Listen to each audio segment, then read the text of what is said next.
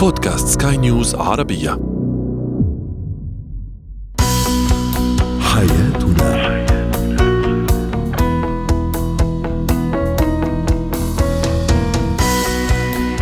مستمعينا الكرام أهلا بكم معنا إلى حياتنا فضاؤكم اليومي الذي يعنى بشؤون الأسرة وباقي الشؤون الحياتية الأخرى والذي يمكنكم الاستماع إليه عبر منصة سكاي نيوز عربية dot com slash podcast وباقي منصات سكاي نيوز العربية الأخرى. أيضا يمكنكم مشاركتنا آراءكم عبر رقم الواتساب صفر صفر تسعة سبعة واحد خمسة ستة واحد ثمانية ثمانية ستة اثنان اثنان ثلاثة. معي أنا أمال شاب. اليوم نتحدث عن الخلافات والاختلافات بين الشريكين وكيف نديرها.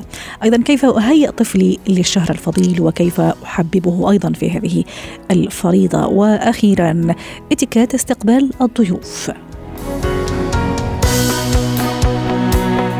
هو وهي.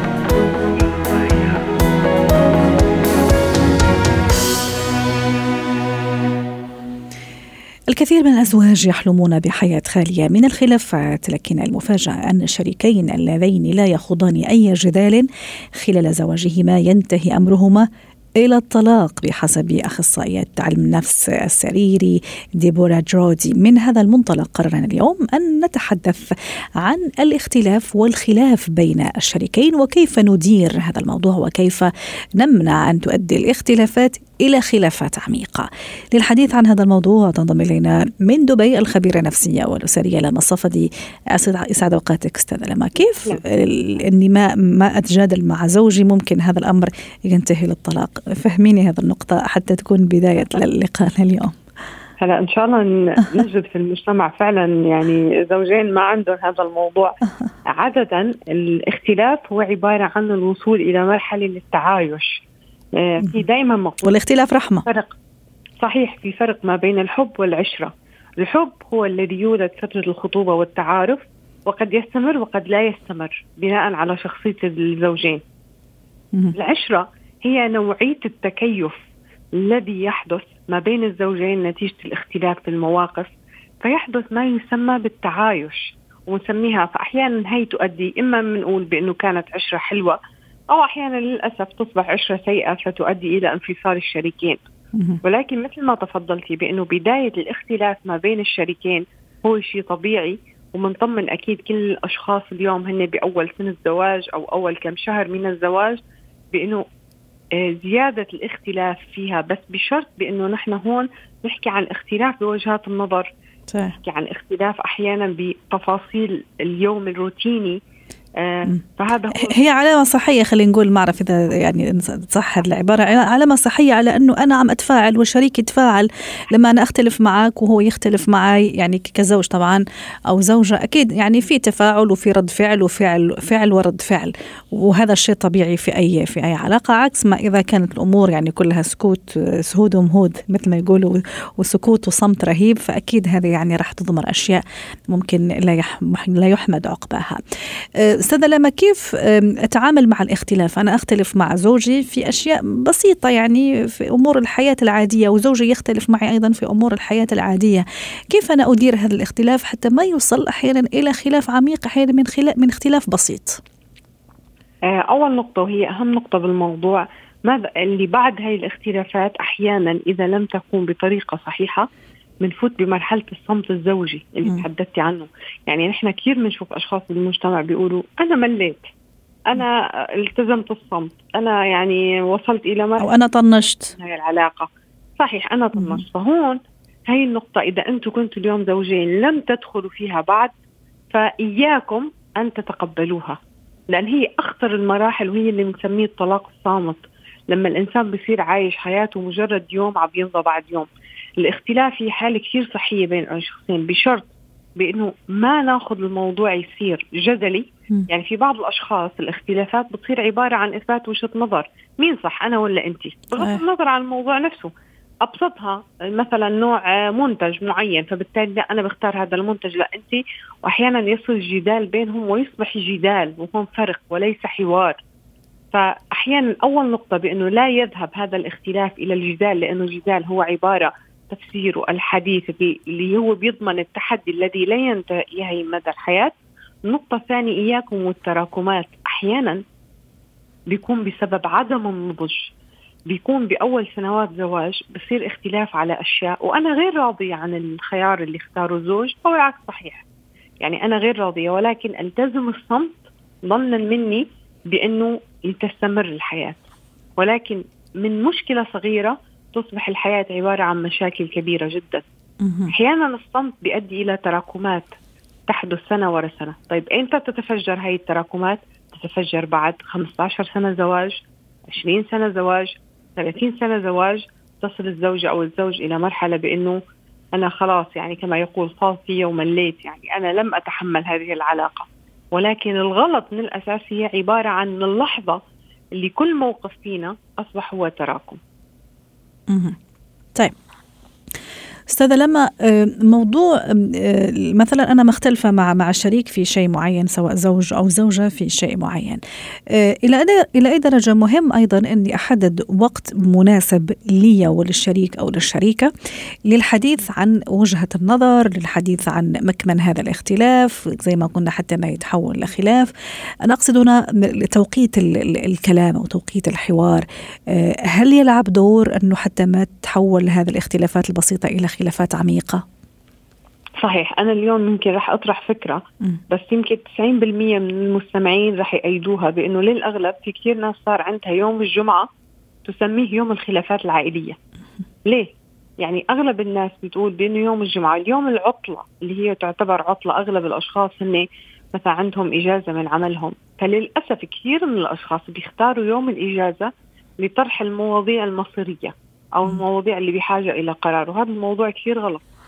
لأنه لما يكون اليوم الوحيد اللي نحن بحاجة فيه لنكون عيلة واحدة زوجين مع بعض عندنا طقوسنا عندنا تفاصيل يومنا البحث عن سعادة أو وقت فيه لنرتاح ونكون سعداء سويا في كثير من الأشخاص بيختاروا هاليوم حتى يكون هو في حل المشاكل. فبتشوفي كثير أشخاص فعلا بيكونوا بيقولوا نحن سعداء بأيام الأسبوع لأنه عمل عمل يوم الجمعة يوم المشاكل. ليش؟ السبب بأنه هي الثقافة اللي كثير من الأشخاص تربوا عليها بأنه إنهاء المهام هي بيكون يوم العطلة ويترافق مع المشاكل. آه، اولا بطقوس إدارة الحوار دائما بنقول اختاروا الوقت المناسب والزمان المناسب والمكان المناسب. المقصود بهالموضوع بأنه جدا بيأثر ردة فعل الآخر. يعني لما يكون الآخر هو بحالة انفعالية معينة قادر على التجاوب على الموضوع غير لما يكون هو بحالة انفعالية مختلفة. وهي شيء بلاحظه اي شخص. نعم وأنا راح أضيف نقطة أيضا في موضوع الحوار والنقاش اللي هو أيضا أتصور هذه من المهارة يمكن اللي يجب على كل زوج وزوجة أنه يمتلكها. أتصور أنه أفضل شيء ممكن أن يفعله اي أي شخص لشريكه سواء زوج أو زوجة أثناء الحوار على اختلاف معين انه الاستماع لكلامه فقط ومحاولة التفهم دون مقاطعة وأيضا يعني يفهم يفهم لا يفهم مش لا يرد أيضا ولا يهاجم. ما رأيك أستاذ أستاذة لما أكيد هذا اللي حكينا جزء منه انه هو فكرة الشخص الجدلي م. اللي هو فقط هو من المكت... يعني مين هو الرابح من النقاش؟ ومن المنتصر؟ آه فهذا كثير مشكلة. وهي إمتى بنشوفها؟ بأول سنوات الزواج. أحيانا بيكون السبب فيها عدم النضج أحيانا بيكون تأثير الآخرين المحيطين فينا. أه. أحيانا النقطة الثالثة اللي بنعتبر بأنه لا هو المفروض حد فينا يكسب النقاش. أحيانا المواضيع الحياتية ليس المهم فيها من المنتصر بس المهم بهي المشاكل بأنها تحل. يعني في فرق بس هون خلينا نميز ما بين الشخص اللي حكينا عنه هو الصامت دائما واللي بيراكن وما بين الشخص اللي همه فقط منتصر. واعطيكي مثال بأنه أحيانا توقيت إمتى التوقيت اللي ممكن نحن مثلا نروح نشتري فيه أغراض البيت؟ في أشخاص ممكن يسووها مصيبة لا صباحا ظهرا مساء. وبتصير مشكلة كبيرة لا بتنجاب أغراض البيت وبروح يوم العطلة وبكون في مشاكل. أحيانا في بعض المشاكل الأفضل إنه ما يكون فيها شخص رابح وخاسر يكون فيها موضوع تم حله. فهيك بالتالي نحن بنكون وصلنا فعلا لنتيجه مرضية للطرفين. ولكن أكيد كلنا بنتفق على إنه الجدليات أو الاختلاف اللي بيصير ما بين الأزواج هو عبارة عن آه، مثل ما حكينا طريقة للتعايش معا للوصول إلى صيغة نهائية.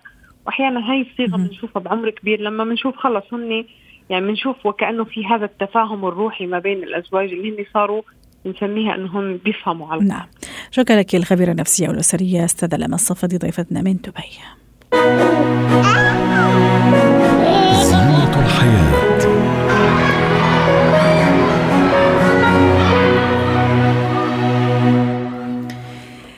أيام قليلة فقط تفصلنا عن الشهر الفضيل هذا الضيف الكريم الذي كل محل تحل بركاته وخيراته أيضا.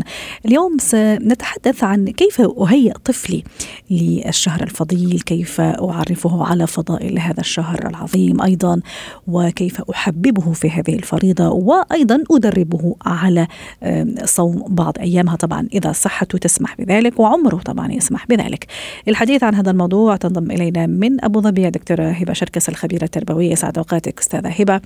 آه، كما قلت على بعد أيام قليلة فقط من الشهر الفضيل كل عام وأنت بخير وكل السادة المستمعين ينعاد علينا دائما بالخير والصحة والسلام والبركة يا رب. كيف أهيئ طفلي إذا كان صحته مناسبة وسنه مناسب أيضا لهذا الشهر الفضيل بدءا بتعريفه بفضائله؟ آه السلام عليكم ورحمة الله وبركاته. كل عام جميعا كلنا جميعا بخير. إن شاء الله ربنا يعود علينا وعليكم الأيام بخير. آمين. آه شهر رمضان يعني له مكانة وله قدسية كبيرة عند المسلمين. ولازم طبعا إن إحنا آه نشعر الطفل بهذه المكانة آه وبهذه القدسية وإن هو ينعلمه آه كيف يعظم شعائر الله. فأهم حاجة بركز عليها باستمرار مع الأطفال هو المشاعر المصاحبة لاستقبال الشهر الكريم. يعني الأهل في بداية التربية بيربوا الطفل عاطفيا عشان يستقبل آه رمضان. فكل ما آه تفننا في إدخال السرور والبهجة وربط ال ال يعني العبادات الرمضانية والأجواء الرمضانية بمشاعر إيجابية عند الطفل وبمشاعر مبهجة عند الطفل كل ما ده هيسهل ارتباطه بالعبادات اللي داخل هذا الشهر الفضيل. يعني الطفل لازم يحب رمضان من الطقوس إن إحنا بنقعد نزين البيت ونعلق آه الزينة في كل مكان والأنوار آه بنجيب آه بعض الشعوب بيجيبوا فوانيس رمضان التوزيعات البسيطة بتاعت رمضان اللي بنعملها سواء للجيران أو توزيعات الخير الطفل يشارك فيها فيحس بالبهجة. يحس بال... بإن إحنا داخلين وأهمية هذا الضيف أيضا ست هبة. يحس بإن ضيف يحسن ضيافة رمضان. صح. هو يبقى حاسس من جواه الطفل بإن هو مستني هو بيسألني هو إمتى رمضان. صح. آه لما باجي أسأل ولادي في أوقات عادية يعني أنا أنا ولادي كبار مراهقين. بسألهم من أجمل المواقف اللي في حياتكم فبيفتكروا تعليق الزينة في رمضان ده من ضمن الذكريات الإيجابية اللي محفورة عندهم. آه هم صغار يعني. أحيانا بيلبسوا مسحراتي ويعملوا دور المسحراتي في البيت حتى مش لازم يكون وقت السحور بس إن هم يعملوا دور المسحراتي في البيت إن هم فوانيس رمضان يوزعوا حاجات على الجيران الزينة الداخلية في بيتنا الهدايا اللي بناخدها لبيوت الأقرباء والجيران اللي تخص رمضان. اللي ممكن تكون رمزية وغير مكلفة بالمرة بس الأجواء دي بتاعت رمضان أجواء الجامعة واللمة العصير المميزة والأطعمة المميزة مم. كل ما ربطت رمضان عند الأطفال بمشاعر إيجابية كل ما سهل عليا إن أنا أربطهم بالعبادات داخل هذا الشهر الفضيل لأن أنا هخلق حافز داخلي جواهم يحببهم في رمضان. جميل. طيب نروح الآن ست هبة لشوية يعني أعمق شوي. يعني كيف راح أفهم الولد يعني اللي عنده مثلا 8 سنوات 9 سنوات 10 سنوات؟ آه ليش مثلا أنا أصوم؟ آه فضائل الصيام؟ ومو فقط أني أمتنع عن الأكل والشرب ممكن أمتنع عن أشياء كثيرة عن الأذية عن الكلام اللي مش مش لطيف أساعد الناس أحس بالناس ممكن اللي ما عندهاش آه اللي ما عندها كثير من المال الناس الفقيرة المحتاجة وما إلى ذلك. كيف أوصل له كل هذه الأفكار بشكل بسيط يتقبل أيضا عقله الصغير والبسيط مش صغير عقله البسيط؟ هو الطفل طبعا لما بنبدأ نكلمه عن الشهر الفضيل بنكلمه عن كل القيم اللي حضرتك ذكرتيها دي على إنها تهذيب للنفس وفي حاجة اسمها تأجيل إشباع الرغبات بتاعتنا. إحنا أحيانا بنرغب في بعض الأشياء كل ما أجلنا إشباع الرغبات كل ما كان ده بي بي يعني بيصقل شخصيتنا وكل ما ده كان بيدعم شخصيتنا وبيقويها وبيخلينا أكتر جاهزية للنجاح. في تجربة لطيفة جدا اتعملت على الأطفال في سن ست سنوات اللي هي تجربة المارشميلو. تجربة نفسية عميقة جدا وممكن نستخدمها في رمضان. التجربة كانت إنه بيقعدوا طفل لمدة ربع ساعة في غرفة بيضاء ما فيهاش أي حاجة غير طاولة عليها سطح والصحن ده فيه قطعة مارشميلو. وبيطلبوا من الطفل ده اللي عنده ست سنوات إن هو ما ياكلش ما ياكلهاش. مارشميلو لمدة ربع ساعة. وفي حال إن هو ما كلهاش هيحصل على قطعة إضافية فهيكون عنده قطعه حافز. فالاطفال اللي- اللي ما أكلوش اللي قدروا يصبروا وما أكلوش المارشميلو وحصلوا على القطعة الثانية رجعوا عملوا عليهم دراسات وأبحاث بعد 30 سنة علشان يتأكدوا إن الأطفال دول كانوا أكثر نجاحا وأكثر تفوقا لقدرتهم على ضبط احتياجاتهم آه، احتياجات الشهوة اللي. عندهم إن هم قطعة حلوى وهو طفل طيب. وقاعدين مع بعض في غرفة ومفيش أي وسيلة للتسلية أو للتشتيت غير قطعة الحلوى دي. آه، فطبعا آه، علم النفس ربط ما بين القدرة على التحكم في شهواتنا بالنجاح فأنا دايما بحب إن إحنا نحكي للولاد الحاجات دي علشان نقول لهم إن ضبط النفس ده مرتبط بالنجاح وإن ده نوع من أنواع التربية العاطفية بنفسنا إن إحنا جميل. نقدر نتعاطف مع مع الناس اللي مع المحتاجين مهم. إن إحنا نقدر كمان إن إحنا نضبط نفسنا ونأجل إشباع رغباتنا ونشبع رغباتنا في الأوقات المناسبة مش بس آه، شهوة الطعام والشراب لا كمان إن الواحد يعف لسانه وإن هو. يغض بصره إن هو يزود في الذكر إن هو يعطي ويطعم ال- ال- المسكين فكل القيم دي آه، بتتجلى في ضبط النفس كل ما. ضبطت نفسك أكتر كل ما كنت أكثر نجاحا.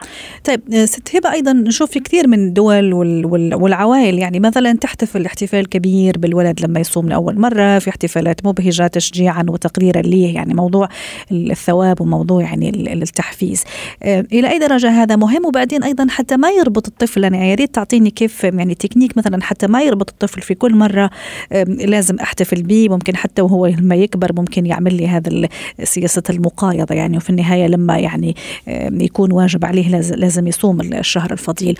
وبعدين نقطة أيضا مثلا ست هبة إذا إذا ها آه، صام مثلا وشعر بجوع أو بعطش هل أخليه يأكل مثلا؟ آه، أحاول أني أني أسليه أحاول أني أدعمه أو أشجعه. ونقطة مهمة حتى مثلا ما راح يأكل من ورايا ويقول لي مثلا ماما أنا صايم. هذه أيضا شيء كثير مهم ندربه على الصراحة ومش على الكذب يعني. صحيح. هو طبعا تدريب الأطفال على الصيام المفروض إن إحنا نبدأ نصوم الأطفال فترات قصيرة وهو في طريقتين إن أنا أدرب ولاد على الصيام يا إما أصومهم في بداية النهار ويفطروا بدري يا إما أصومهم بعد العصر ويفطروا معانا. أنا بفضل الطريقة اللي بعد العصر ويحسوا ببهجة الفطار معانا وجمعة يعني مش يوم كامل بالتدريج. آه يعني. هصوم الطفل يوم كامل هاجي بالتدريج قبل الفطار بساعة ونص مثلا هقول هقول للطفل اللي عنده خمس سنين آه يلا انت كده مدفعك هيضرب وانت كده هتصوم دلوقتي ممكن اعمل له رمز المدفع أو اي. حاجة واقول له خلاص كده انت ميعاد الصيام بتاعك عشان انت صغير كل ما تكبر ميعاد الصيام بتاعك هيزيد شوية لغاية. لما تبقى. تصوم على مدفعنا إحنا وتفطر على مدفعنا زي الكبار فيبدأ الطفل يتدرب معايا ممكن في خلال الشهر الطفل اللي صومته في بداية الشهر ساعة أو ساعة ونص ممكن على بال اخر الشهر يبقى بيصوم معايا ثلاث أو أربع ساعات. آه معانا ككبار وبيفطر معانا ككبار. آه وببدأ من السن ده من سن خمس وست سنوات ببدأ أقول له إن أنت لو جوعت أو عطشت بتيجي تكلمني وبنشوف أنت جعان أو عطشان قد إيه ونشوف نقدر نسلي نفسنا ولا أنت محتاج الفطار. لأن خمس سنوات بدري كتير يا دكتورة. آه آه، أنت. بتصوميه ساعتين. مم. مش بتصوميه 10 ساعات انت بتصوميه. ساعتين بتصوميه ساعة ونص هو أصلا بيمر في يومه العادي بأن هو بيصوم ثلاث وأربع ساعات. طيب. في يومه العادي يعني ما بين الغداء والعشاء مثلا ممكن الطفل يتلهى ويلعب ويقعد ثلاث وأربع ساعات ما ياكلش ولا مم. يشرب. طيب. فانت بس ب- ب- بتفهميه إن الوقت ده أنت متعمد إن أنت ما تاكلش ولا تشرب لمدة ساعتين فقط. فلو احتجت في خلال الساعتين دول حاجة آه تعالى وبلغني ونقدر إذا كان فعلا محتاج تشرب ولا ممكن تصبر معانا شوية واضح. كمان آه صغيرين ممكن أقول له مثلا لو اتفرجت على فيلم الكرتون ده خلاص هيكون المغرب أذن. واخليه يختار في السن ده كل ما يكبر معايا أكبر كل ما بيبدأ الموضوع لأ أنت هتصوم معانا الثلاث ساعات دول اللي قبل المغرب آه ومفيش فرصة للفطار وخليك صادق مع نفسك وحاول إن أنت تهذب نفسك شوية. رائع. وموضوع ال- ال- الثواب أيضا وموضوع التشجيع حتى نختم ست هبة. آه. وحتى أيضا لما يكبر خلاص يعني الموضوع هذا تحصيل حاصل ولازم يعني يصوم من غير ما يحصل مثلا على على جائزة. باختصار. آه طبعا أنا بشجعه مرة واثنين وثلاثة. أربعة لا. يعني بشجعه أول مرة وتاني مرة وتالت مرة رابع مرة هو لازم يبدأ يحس إن ده فرض عليه وإن ده حاجة كويسة وإن الجو... الثواب من عند ربنا سبحانه وتعالى.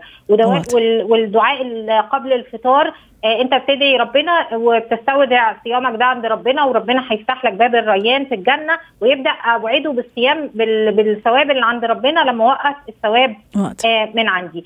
الحاجة المهمة قوي الرقابة الذاتية لو الطفل آه، أكل أو شرب بلاش نواجه الطفل ونقول له أنت أكلت وأنت خنت الأمانة بلاش. الكلام الصادم الكبير قوي ده لكن ممكن بطريقة لطيفة إن أنا أقول له ابن صاحبتي بيعمل السلوك ده وعايزاك تنصحه. يا ترى هتقول له إيه؟ جهز نفسك كده ورتب كلامك علشان هو لما بيعمل يعني كأنه بيخرج خطأه آه، خارجه ويتعامل معاه بيكون أسهل إن الطفل يتعامل مع أخطائه وهي خارجه. واضح. حد غيره هو اللي بيقوم بيها. رائع. آه، تربوية مش- جميلة. هقول مم. له مش حاب مش حابة أحرجك فمش هنواجه آه، صديق صاحبتي. شكرا لك أستاذة هبة شركس آه، ضيفتنا العزيزة من أبو ظبي يعطيك العافية. اتكات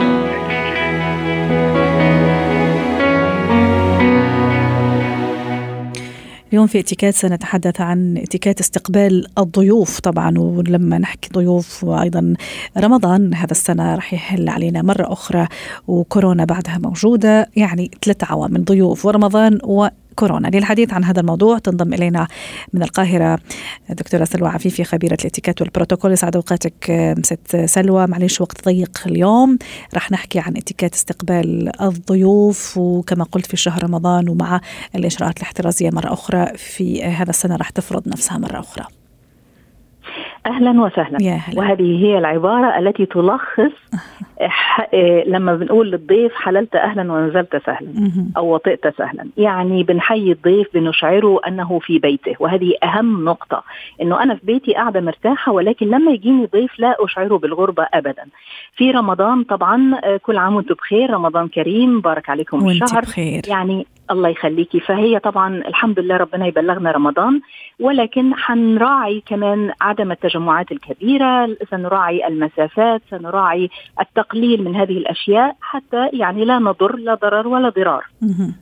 فيعني لكل مقام مقال أو لكل ظروف أيضا لابد أن نراعيها والاتيكيت يمنع أي شيء ضد الصحة يعني أي. شيء يسيء إلى صحتي مثلا أو عاداتي أو تقاليدي لا أفعله. جميل. طب ست سلوى أيضا نحكي بشكل عام آه، بشكل عام عن عن اتيكيت ال- الضيافة يعني من الاستئذان قبل الزيارة؟ أنا كزائرة آه، ما أتصرف وكأني في بيتي آه، يعني أيضا مش حلو أنه أرفض كل ما يقدم لي من مأكولات ومشروبات خاصة إذا ما تتصادم مثلا مع مع صحتي أو وضعي الصحي مثلا. عدم النظر في كل زوايا البيت وأركان البيت. يا ريت تحدثينا عن هذا الموضوع. طبعا اولا بالنسبة للمضيف يعني أو المضيفة م. أول ما بيدخل الضيف أنا اللي بشاور بيدي إنه تفضل في. هذا المكان. جميل. عادة يجلس في المكان الذي لا يجرح حرمة البيت. هذه أول نقطة. الشيء الثاني أنا بالنسبة لي كمضيفة أيضا لابد أن أكرم ضيوفي. يعني أنا فعلا هذا ما أفعله أشعر الناس كأنهم في بيتهم. من الطرف الآخر على الضيوف يعني أنه يأتوا في الموعد المحدد أنه يجلسوا طبعا باحترام أو بهدوء لا يت... مثل ما قلت لا يتفقدوا المكان أو لا ننظر إلى السقف أو الثريات أو كذا أو البساطة في التعامل. الهدف هو الجمعة الحلوة. هذا هو الهدف الأساسي من اللقاء. اختيار الموضوعات اللطيفة. لا مانع أنه أتي بلفتة حلوة مثلا بوكيه ورد أو هدية بسيطة لربة المنزل أو للبيت أو حتى طبق حلوى للمشاركة فيه. آه يعني كل هذه الأشياء ت- تبعث البهجة. آه طبعا لا مانع إنه لو أنا مثلا عاملة رجيم معين أو أتبع حمية معينة ممكن صاحبة البيت تسألني عند الدعوة. مهم. يعني أنا مثلا سأطبخ سمك هل في حد يمانع من السمك أو لا يفضل السمك؟ أو إني أنا من نفسي أضع أكثر من صنف يعني مثلا مهم. لحوم بيضاء أو سمك أو لحوم حمراء وهكذا بحيث أنه يكون في متنوع. دائما حتى لما نجلس على السفرة المضيف هو الذي يبدأ. يعني إذا كنت عازمة ناس أنت اللي تبدأي بغرف الصحن والأكل. حتى يعني الباقي يتبعونك. جميل آه، أنا أنا حاب أيضا أشير لنقطة آه، دكتورة سلوى موضوع ال- الثياب مثلا المناسبة سواء أنا اللي نعم. كنت المضيفة يعني أنا اللي صاحبة نعم. العزومة ولا أنا اللي راح رايحه عفوا نعم. للعزومة. كيف ممكن تكون أيضا يعني من غير تكلف وفي نفس الوقت. البساطة يعني بالنسبة لي أنا ف- كربة البيت يعني أو المضيفة لا مانع من التأنق مم. ولكن دائما أراعي أنه لازم الضيفة تكون يعني زي ما بنقول أكشخ مني أو أشيك مني. يعني لا أرتدي الالماس وال- والمجوهرات. هذه من القواعد الأساسية. البساطة يعني الدبله مثلا أو خاتم بسيط أو شيء بسيط. آه لابد ان لا مانع من التانق مثل ما قلت. إنما تكون ملابس مريحة. نبعد عن الأكمام الواسعة. يعني خاصة يمكن في عبايات رمضان أو هذه الأزياء. آه آه، فأكون أنا أبسط من الضيف ولكن لا لا أستقبلهم بملابس البيت مم. ابدا. حتى لو كانوا إخواتي. واضح واضح. شكرا لك دكتورة سلوى. عفيفي ضيفتنا العزيزة من القاهرة. سعدتينا اليوم بهذه المشاركة. حياتنا